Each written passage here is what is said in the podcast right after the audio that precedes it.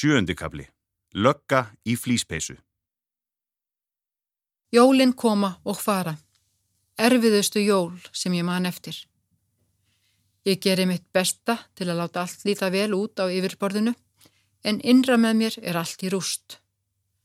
Gestir koma og fara. Við förum á árlega þorláksmessu tónleika meistara buppa.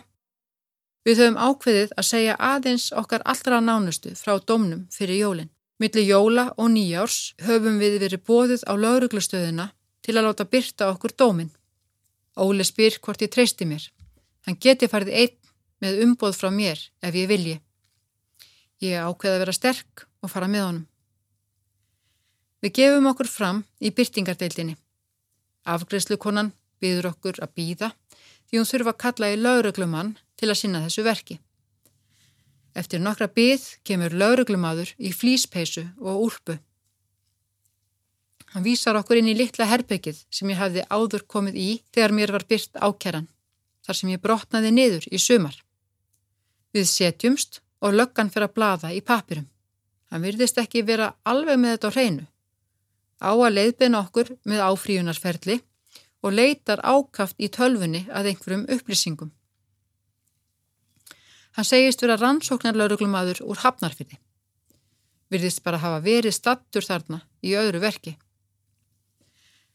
Á meðan eru nokkrar konur í deildinni að spjalla um daginn og veginn. Aðalega mat, jólaostin í bláa pakkanum, sinneb, laug og pilsu í pönnuköku. Ég sit eins og glæpamadur í litlu kompunni með lauruglumanni sem gerir sitt besta til að afgreða málið. Ég hef enn ekki sagt orð, en það líður mér ekki vel. Loks get ég ekki orða bundist og nefni það hvað þetta er allt ófaglegt. Í annað skipti sitt ég í þessari litlu kompu og engin veit hvernig á að afgreða mál eða koma fram við fólk í geðsræringu.